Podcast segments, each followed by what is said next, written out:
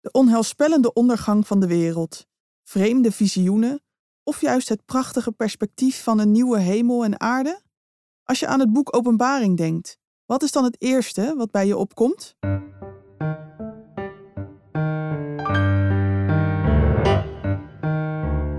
De Theologie-podcast gaat over wat vandaag speelt in kerk en theologie. Theologie-podcast wil delen, inspireren en verdiepen. En vandaag de gast is Bart van Nes. Bart van Nes studeerde theologie aan de Evangelische Theologische Faculteit in Leuven. En werkte hij als voorganger, trainer en was vijf jaar studentenpastor en coach voor IFES Nederland. Samen met zijn vrouw Corine werkt hij in Portugal om daar het internationale studentenwerk te pionieren. Nu wonen ze in Leersum met hun zoontje Tieme en is Bart actief als voorganger in Wijk bij Duurstede. Is hij trainer bij het Sermon Movement Center en verzorgt hij spreekbeurten en seminars over zijn boeken. En dat laatste boek waar we het vandaag over gaan hebben is Zie, ik maak alle dingen nieuw. Welkom eh, Bart en ook eh, Tom. Dankjewel. Leuk dat je er bent. Leuk om hier te zijn. Ehm, en dat is niet zomaar een boek, maar een boek over openbaring. En is het nou openbaring of openbaringen? Openbaring en confound. Dus ook één grote openbaring. Ja, interessant. goed om te onthouden. Ja, maar voordat we daarin duiken, gaan we even terug. En dat is naar eh, 2020, alweer eh, twee jaar geleden. En dat was de tijd van eh, corona, waarin eh, ja, de samenleving plat lag. Iedereen zat thuis, jij ook. En wat gebeurde er toen met jou en wat heeft dat met dat boek te maken? Nou, sterker nog, wij zaten toen in eh, Portugal, ik en mijn vrouw. Wij waren daar eh, studentenwerk aan het pionieren. En het was maart en ehm, nou, corona toegeslagen. En Portugal was een van de eerste die de universiteit ook sloot. Dus al onze contacten die gingen naar huis of die moesten in isolatie. En ons werk viel gelijk helemaal stil. Zat je in Lissabon? eh, in Coimbra. Dus dat is de derde grootste studentenstad. Eh, dus heel onze agenda werd leeggeveegd en eh, we zaten thuis. Dus ik dacht eerst, nu komt de grote opwekking. Maar toen kwam vooral het grote thuis zitten. Eh wij konden eigenlijk helemaal niks meer. En vanuit Nederland kreeg ik allerlei vragen van kerken en contacten. Van, hey, is dit het teken van de eindtijd? En wat zegt de openbaring hierover? En iedereen was natuurlijk een beetje in paniek. En waarom legde zij zo snel die link dan met eindtijd of met openbaring? Ja, omdat openbaar natuurlijk ook gaat over eh, plagen, over eh, ruiters met, die de dood brengen en dat soort dingen. Dus misschien was dit wel weer het volgende teken in het rijtje op weg naar de grote climax van de wereldgeschiedenis. Zo, zijn nog wel eh, grote woorden eh, gelijk. Ja. Voelde jij het zelf zo dat het de eindtijd was aangebroken? Wat was jouw gevoel? Eh, nou, ik moet zeggen, wij, wij, wij waren toen in de Algarve en wij reden terug. En ik moest een, we moesten een autorit maken, ik en mijn vrouw van zes uur. En we kwamen niemand tegen onderweg. Dus dat gevoel dat je wel eens hebt in films waar alles leeg is en verlaten is. Nou, dat was toen echt even zo. We moesten ergens tanken. Eh, er was één klein luikje was open en daar kon je betalen. Dus het voelde echt helemaal alsof we in, in die film zaten. Dus dat was wel even, even spannend, ja. Ja. En in die coronatijd was ook een tijd dat veel ja, complottheorieën de ronde deden en je daar van alles over hoorde. En ook in christelijke kringen, nou, was dat ook wel aanwezig. Wat, he- wat heeft dat te- met elkaar te maken? Ja, ik denk dat als er zoiets gebeurt, zoals een corona-uitbraak of eigenlijk andere natuurrampen of dat soort verschijnselen, dat het, het maakt natuurlijk bang, het maakt angstig. En tegelijkertijd doet het ons beseffen hoe kwetsbaar we zijn en dat we vaak geen grip hebben op ons leven. Wat we natuurlijk heel vaak wel denken hier in het Westen. Eh, en dan ga je zoeken naar grip, naar houvast en naar duiding. En dan is het een, makkelijke keuze om dan eh, naar het boek Openbaring te grijpen. Ja, en waarom is dat? Enerzijds omdat je daar herkenning in vindt. Dus openbaring zien we ook allerlei beelden van, van chaos, van plagen, van eh, ja, onheilspellende dingen die, die gebeuren op aarde. En tegelijkertijd eh, is het ook een soort georchestreerde chaos. Dus we zien ook momenten van stilte, van hoop. Eh, en dat spreekt mensen natuurlijk aan. Van hey, ik zoek ook naar, naar iets wat, wat me houvast kan geven in deze tijd van onrust. Hm. Nog even terug naar Portugal. Je zat daar dus samen met je vrouw en uit Nederland kwamen vragen over het Bijbelboek Openbaring. Omdat de coronapandemie was uitgebroken. Wat, wat gebeurde er toen? Ja, wij waren ook even op verlof, dus toen waren we terug. En ik sprak in een kerk en dan zei ook iemand, nou, we gaan een eindtijdstudie doen, et cetera. En eh, nou, dan gaan we die en die vragen. En ik dacht, joh, dat, moet je niet doen, want dan krijg je weer zo'n uh, spanning en sensatieverhaal. Zo zei ik eigenlijk een beetje naïef van, joh, nou, dan ga ik dat wel doen. En dan ga ik me wel verdiepen in het boek. Ja, wist ik veel. Want eigenlijk had ik er zelf ook niet zoveel mee. Want iedereen die vindt er altijd wat van. Er zijn duizend meningen over. je weet het toch niet. Uh, en toen dacht ik, nou, nu, nu moet ik eraan geloven. Dus toen ben ik eigenlijk eerst eigenlijk alle topcommentaren gewoon rustig aan gaan doorlezen. Vuistdikke boeken. Ik ben me er helemaal in gaan uh, verdiepen. En dat was eigenlijk het begin van een fantastische reis. Nou, dat klinkt heel, uh, heel spannend. want natuurlijk, dat boekje zegt, heel snel gaan we het over spanning en sensatie hebben. Wat zijn de grootste valkuilen als het gaat over zo'n boek als openbaring?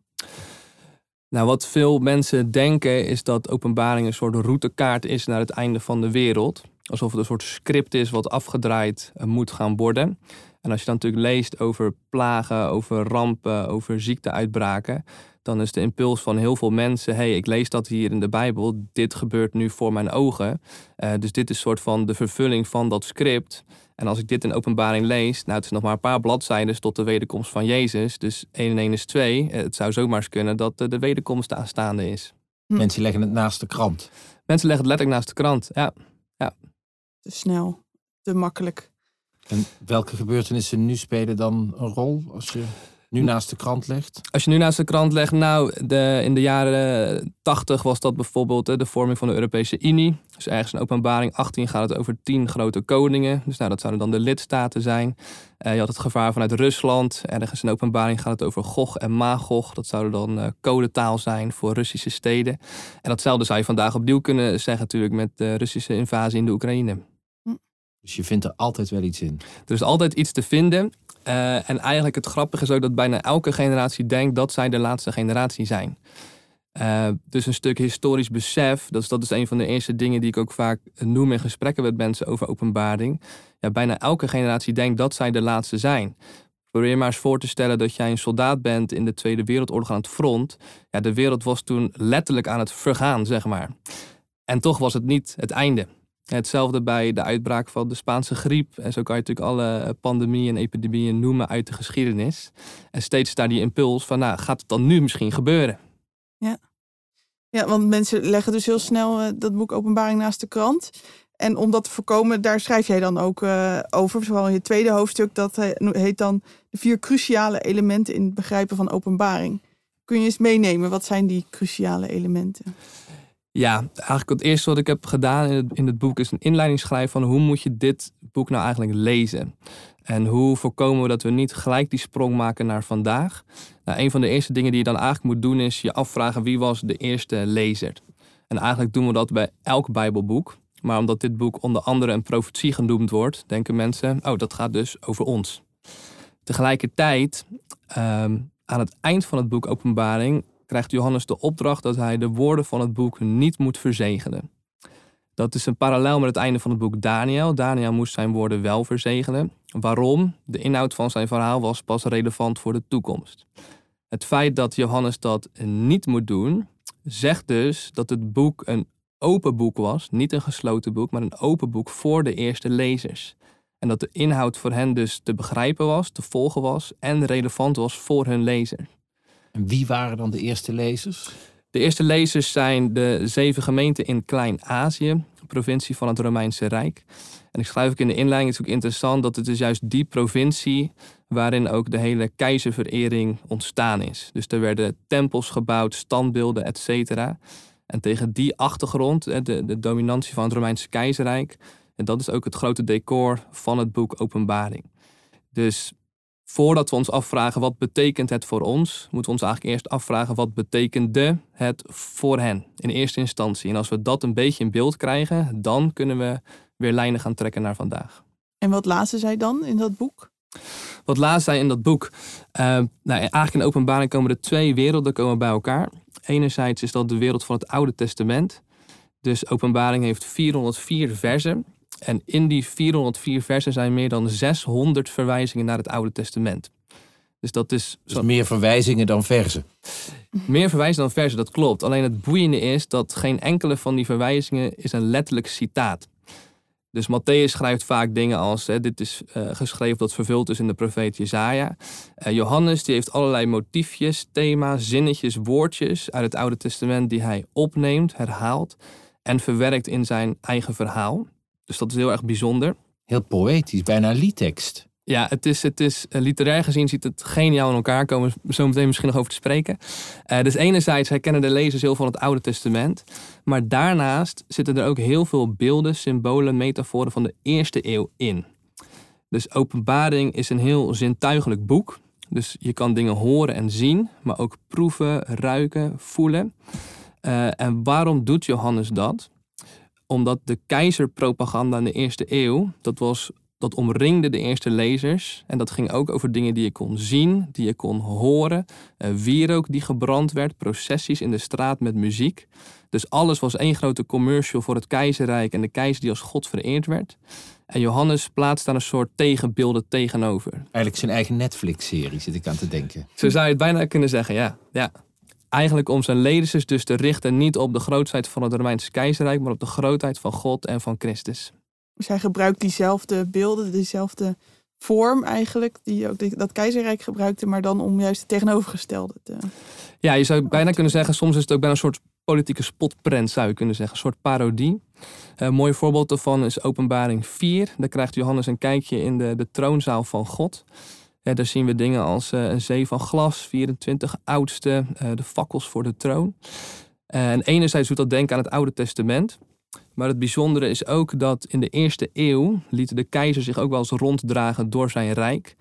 En dan was het zo dat de afgevaardigden van de steden, die stuurden dan afgevaardigden naar de keizer toe.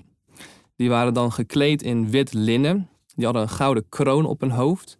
En wanneer ze de keizer dan zagen, dan bogen ze voor die troon, namen ze hun gouden kroon af en riepen ze de keizer toe, waardig bent u.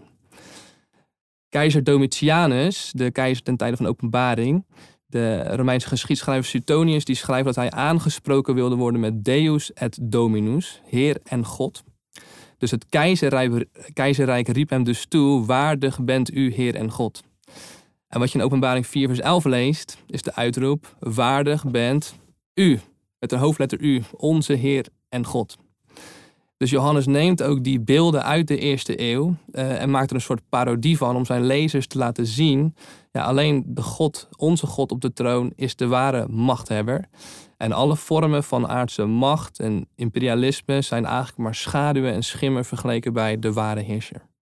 Dus hij ging met een reclameleus uit die tijd eigenlijk aan de haal en maakte daarvan een nieuwe reclameleus voor God. En hij wist dat zijn lezers dat dan herkenden. Die kregen een glimlach op hun gezicht en dachten, ah, daar is die. Zeker. Uh, maar voor sommigen zal het ook confronterend zijn geweest. Want het boek Openbaring is eigenlijk geschreven aan uh, drie soorten doelgroepen. En vaak denken we dat Openbaring een soort troostboek is voor vervolgde christenen. Uh, maar eigenlijk is dat beeld van vervolging niet helemaal correct. Dus het idee is dat het Romeinse keizerrijk van deur tot deur geen christenen oppakte. En in periodes is dat ook gebeurd. Maar eigenlijk kwam de druk heel vaak van onderop. Want de steden waar die eerste christenen woonden, die kregen veel gunsten van de keizer. Dus jouw buren, jouw collega's uh, op het werk, die hadden er dus baat bij dat iedereen netjes mee ging doen met Rome. Alleen de christenen, die waren anders. Die hadden geen tempels, die hadden geen beelden, die hadden geen priesters. Uh, zij werden letterlijk daarom atheïsten genoemd, omdat hun geloof zo absurd was. Maar daardoor werden ze dus onder druk gezet, niet zozeer van bovenaf, maar ook juist van hun buren om zich aan te passen, want die wilden geen tumult met het Romeinse Rijk. Dus wat je krijgt zijn uiteindelijk drie soorten doelgroepen. Christenen die vervolgd werden door Rome. Dat lees je in hoofdstuk 2 en 3, dat ook eentje gedood werd, anderen in de gevangenis werden gegooid. Die wil hij troosten. Die worden, die worden vooral getroost. Um, en helemaal aan de andere kant van het spectrum, bijvoorbeeld de christen Laodicea, die zijn rijk en welvarend. Ja, en die liften eigenlijk mee op het succes van Rome. Uh, en aan hun is de oproep niet zozeer troost, maar is vooral vermanend en prikkelend. Van joh, waar, waar bouw je je leven eigenlijk op? En er is nog een hele grote groep zwevende kiezers in het midden. Dus het lijkt net de kerk van vandaag, zeg maar. Ja, ja. interessant. Ja, en, en het genre dan? Waar, hoe moet je zo'n boek lezen? Of in wat voor genre past dat? Ja, in de eerste acht versen van het uh, boek, van hoofdstuk 1, uh, geeft Johannes eigenlijk drie omschrijvingen van wat het boek is. Dus het eerste woord van het boek is openbaring, apocalypsis. Dat betekent niet einde van de wereld, zoals wij vaak denken in allerlei. Uh, Ik denk aan iets heel ergs bij apocalyps. Ja, ja, maar dat betekent eigenlijk letterlijk onthulling. Dus het idee dat je een soort gordijn wegschuift uh, en daarachter een grotere werkelijkheid of een realiteit ziet. Dus het doel van apocalyptische literatuur is ook niet om een soort rookgordijn op te werpen, iets ergs of iets mysterieus, maar juist om iets duidelijk te maken, zichtbaar te maken. En wat wordt er dan zichtbaar? Nou, Jezus Christus. En dat is de eerste zin van het boek. Jezus is degene die de openbaring geeft en hij is ook degene die geopenbaard wordt. Dus dat is het eerste. Het tweede is dat het boek een profetie is. Uh, dat is ook de reden waarom heel veel mensen denken dat het gaat over ons. Maar profetie is niet alleen toekomstvoorspelling. In het Oude Testament gaat het juist veel vaker over dat um, het perspectief van God wordt gegeven op de situatie in het hier en nu. Uh, dus niet zozeer dat het in beton gegoten is, een, toekomstvoorspelling, en dat is ook soms deel van, maar juist een oproep in het hier en nu om je te bekeren. En het derde genre is het, uh, het genre van de brief. Dus we lezen in uh, hoofdstuk 1 gelijk dat Johannes schrijft van Johannes, genade zijn jullie en vrede. En dat herken je natuurlijk van Paulus. En ook aan het einde van het boek zegt hij, de genade van onze Heer Jezus Christus zijn met u. Dus eigenlijk het hele boek, begin en het einde, wordt ook geframed als een brief. Nou, terug naar je vraag, hoe moet je dat dan lezen? Nou, dat het een brief is, wil dus zeggen, het is geschreven aan specifieke mensen op een specifieke plek onder specifieke omstandigheden. Nou, wat waren die omstandigheden? Daar heb je dus wat achtergrond van nodig. Het is profetie. Dus het gaat over het appel, het woord van God, dat God spreekt in specifieke situatie. Wat soms vermanend is en soms vertroostend is. Er zit urgentie in het boek. En het is apocalyptiek. Dus het staat bol van getallen, van kleuren, van metaforen en symbolen. Want dat is eigen aan die onthulling. Ja. Getallen, Ja. kleuren en metaforen. Je zou Ja. zeggen, dan wordt het alleen maar nog onduidelijker. Ja, en dat is natuurlijk het grappige, want voor ons is dat genre apocalyptiek, wij kennen dat eigenlijk niet meer zo. Omdat we- Fantasyboeken misschien, denk ik dan. ja, vandaag de dag zou je kunnen denken hè, aan, Narnia. aan, eh, aan Avengers, Lord of the Rings, Narnia, Star Wars. Eigenlijk een groot, episch, meeslepend universum met de strijd tussen goed en kwaad. En iedereen vindt dat ook fantastisch. Dus het doet een soort appel ook op onze diepste verlangens naar dat we zelf deel zijn van een groot verhaal, dat het goede overwint over het kwade. Maar voor de eerste lezers was dit genre vrij bekend. Dus tussen het Eerste en het Tweede Testament, dus de, de Tweede Tempelperiode, werden er eigenlijk tal van apocalyptische werken gepubliceerd. Nou, die zijn niet hun plek gevonden in onze Bijbel. Maar voor de eerste lezers, die kennen dat wel. Maar die, hadden, die, die werden gelezen, waren boekrollen met meerdere apocalypsen en die waren dus bekend. Men wist, Ja. je hebt die van Johannes en van wie had je dan nog meer? Ja, je hebt bijvoorbeeld eh, de hemelvaart van Jezaja. Je hebt het boek Baruch, eh 4 Esra, eh Henoch. En het grappige is ook dat als je ehm, bijvoorbeeld leest in Matthäus, dan vertelt Jezus gelijkenissen. En dan komen zijn discipelen naar hem toe van, nou, we snappen er helemaal niks van. Wilt u het dus uitleggen? Want dat kenden ze niet. Terwijl in Matthäus 24, 25 heeft Jezus een soort apocalyptische reden. En dan vraagt hij, hebben jullie dit alles begrepen? En dan zeggen ze, ja hoor, ja, snappen we helemaal. Terwijl voor ons is het soort van precies andersom. Die gelijkenissen, dan denken we, ja, dat zijn soort zondagschoolverhaaltjes, peanuts. En dat apocalyptische, dat vinden we allemaal maar gedoe. Terwijl voor hen, eh, zij konden daar veel beter mee uit de voeten eigenlijk. En waar had dat dan mee te maken? Eh, onder andere dat dus de beelden en de metaforen in het boek, die stonden vaak veel dichter bij hun tijd dan bij onze tijd. Het is een bekend voorbeeld, ook uit de jaren 70, van de boeken van Hal Lindsey, Left Behind. Eh, de redenering is dan, Johannes die ziet sprinkhanen, maar wat hij eigenlijk zag waren Russische gevechtshelikopters.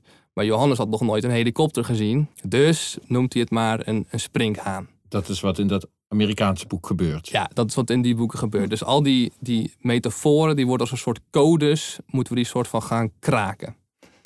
Eh, terwijl, ja, heel veel van die beelden wat ik net zei, die hebben ook te maken met de eerste eeuwen, met de keizerverering. En die staan dus juist dichter bij hun tijd dan bij onze tijd. Het zijn dus geen codes die we moeten kraken. Nee, het zijn eh, metaforen, beelden die ook juist dingen uh, oproepen. Ja, Hm.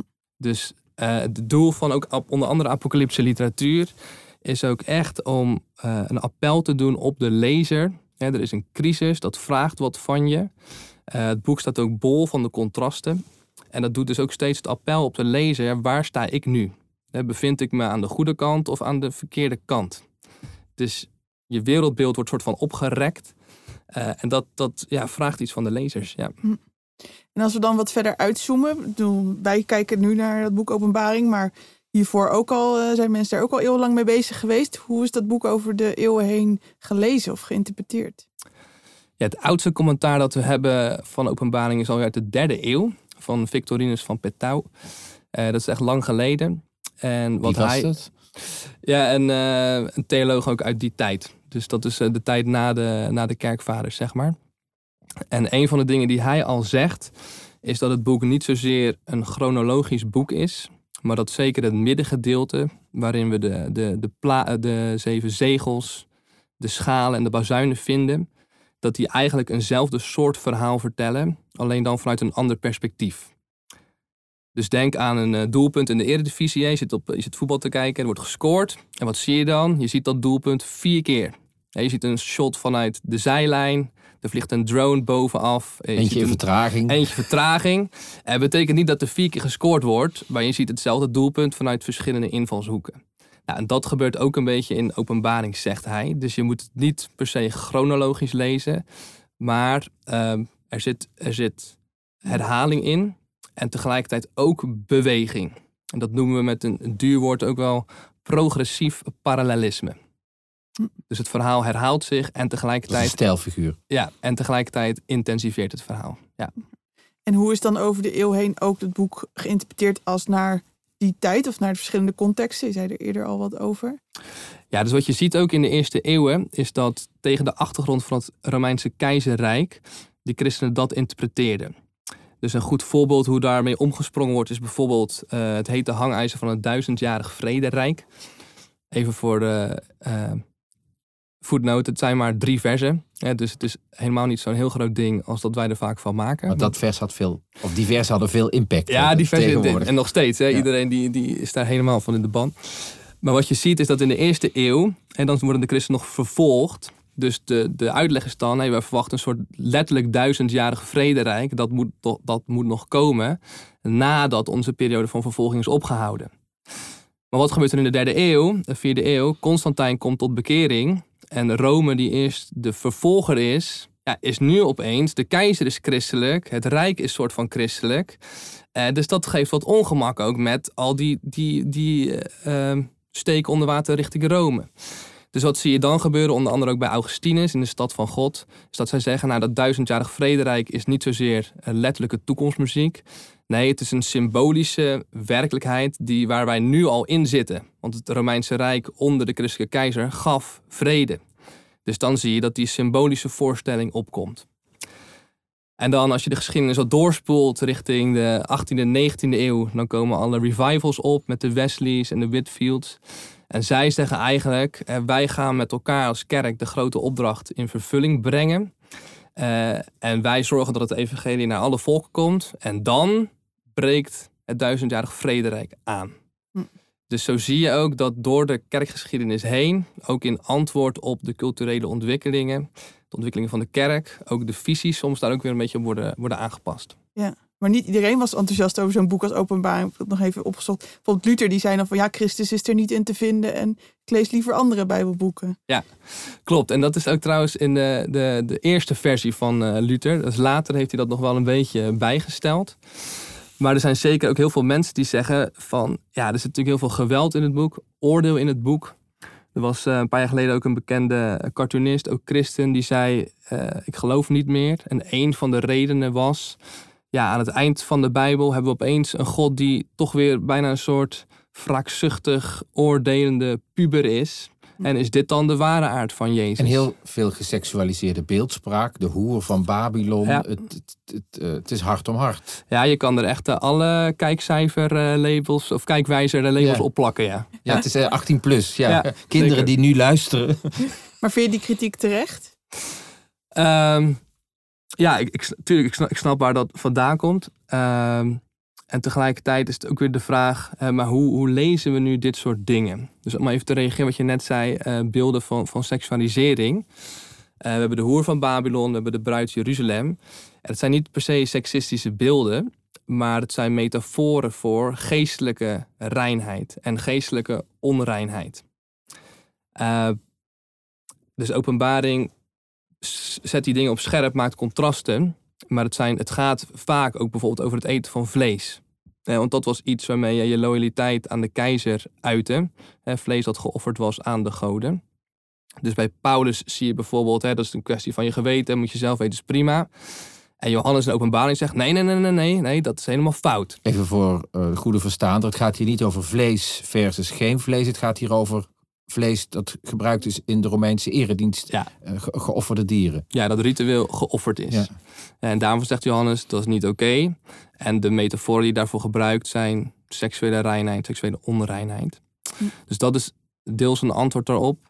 Ehm, iets anders is dat als we zeggen, ja, er komt oordeel, et cetera in.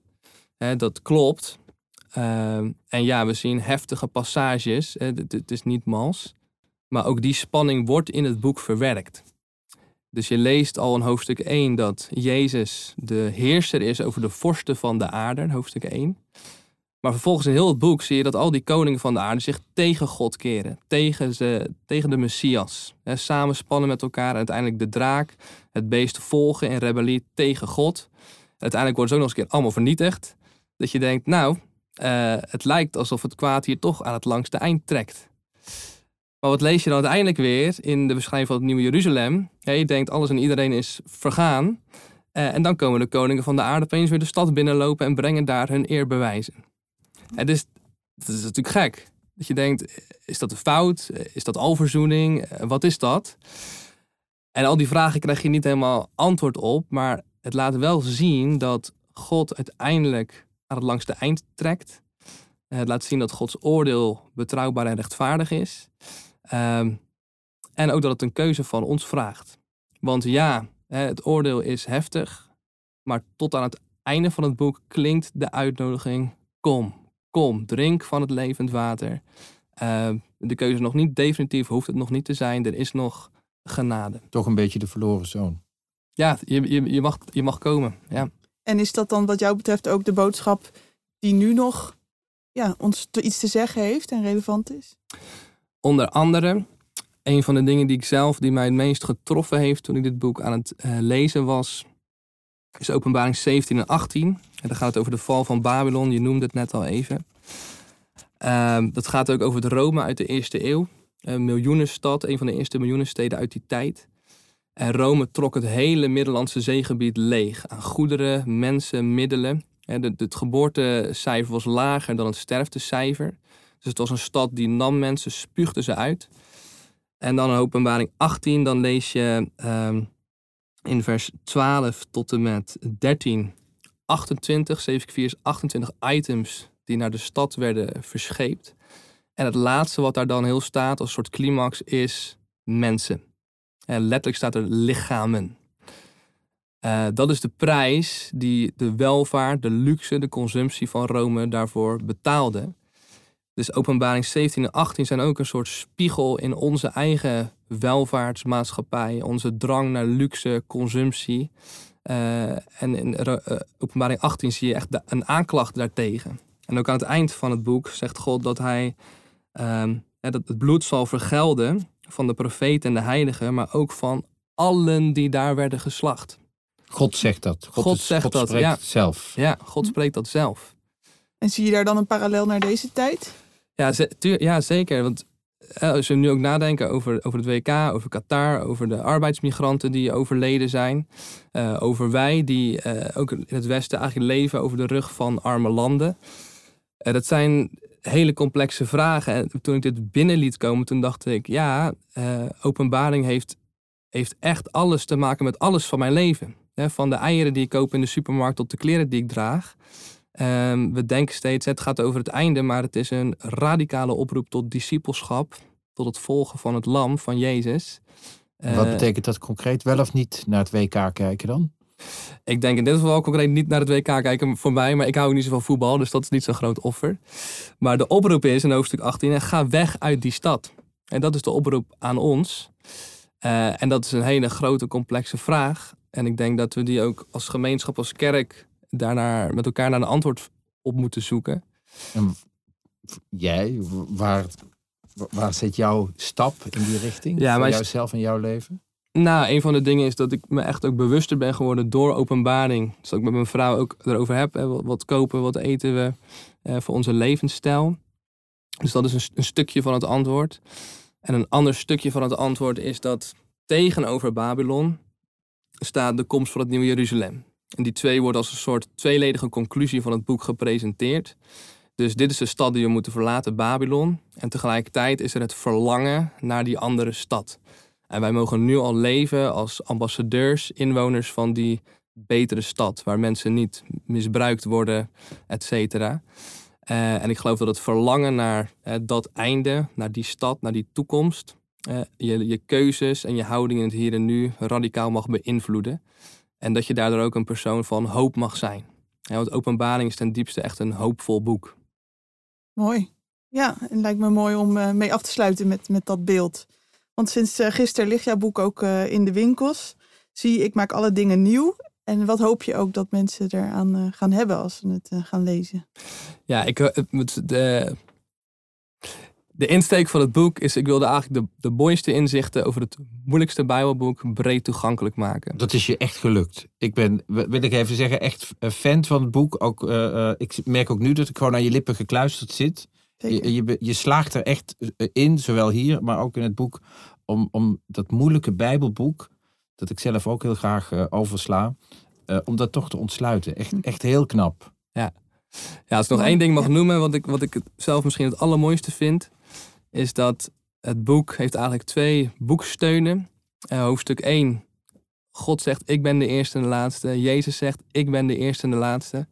En hoofdstuk 22, waarin God en Jezus opnieuw zeggen: Ik ben de eerste en de laatste. Dus het boek beweegt niet van angst naar hopeloosheid, niet van verdrukking naar vernietiging, maar van God en het Lam, hoofdstuk 1, met ons, naar God en het Lam, hoofdstuk 22, met ons. En dat is een toon van hoop. We hoeven er niet bang van te worden, maar we mogen enorm hoopvol worden van dit boek. Ja, mooi. Dankjewel Bart voor dit eh, boeiende gesprek, leerzaam. Ja. Graag gedaan, fijn om hier te zijn.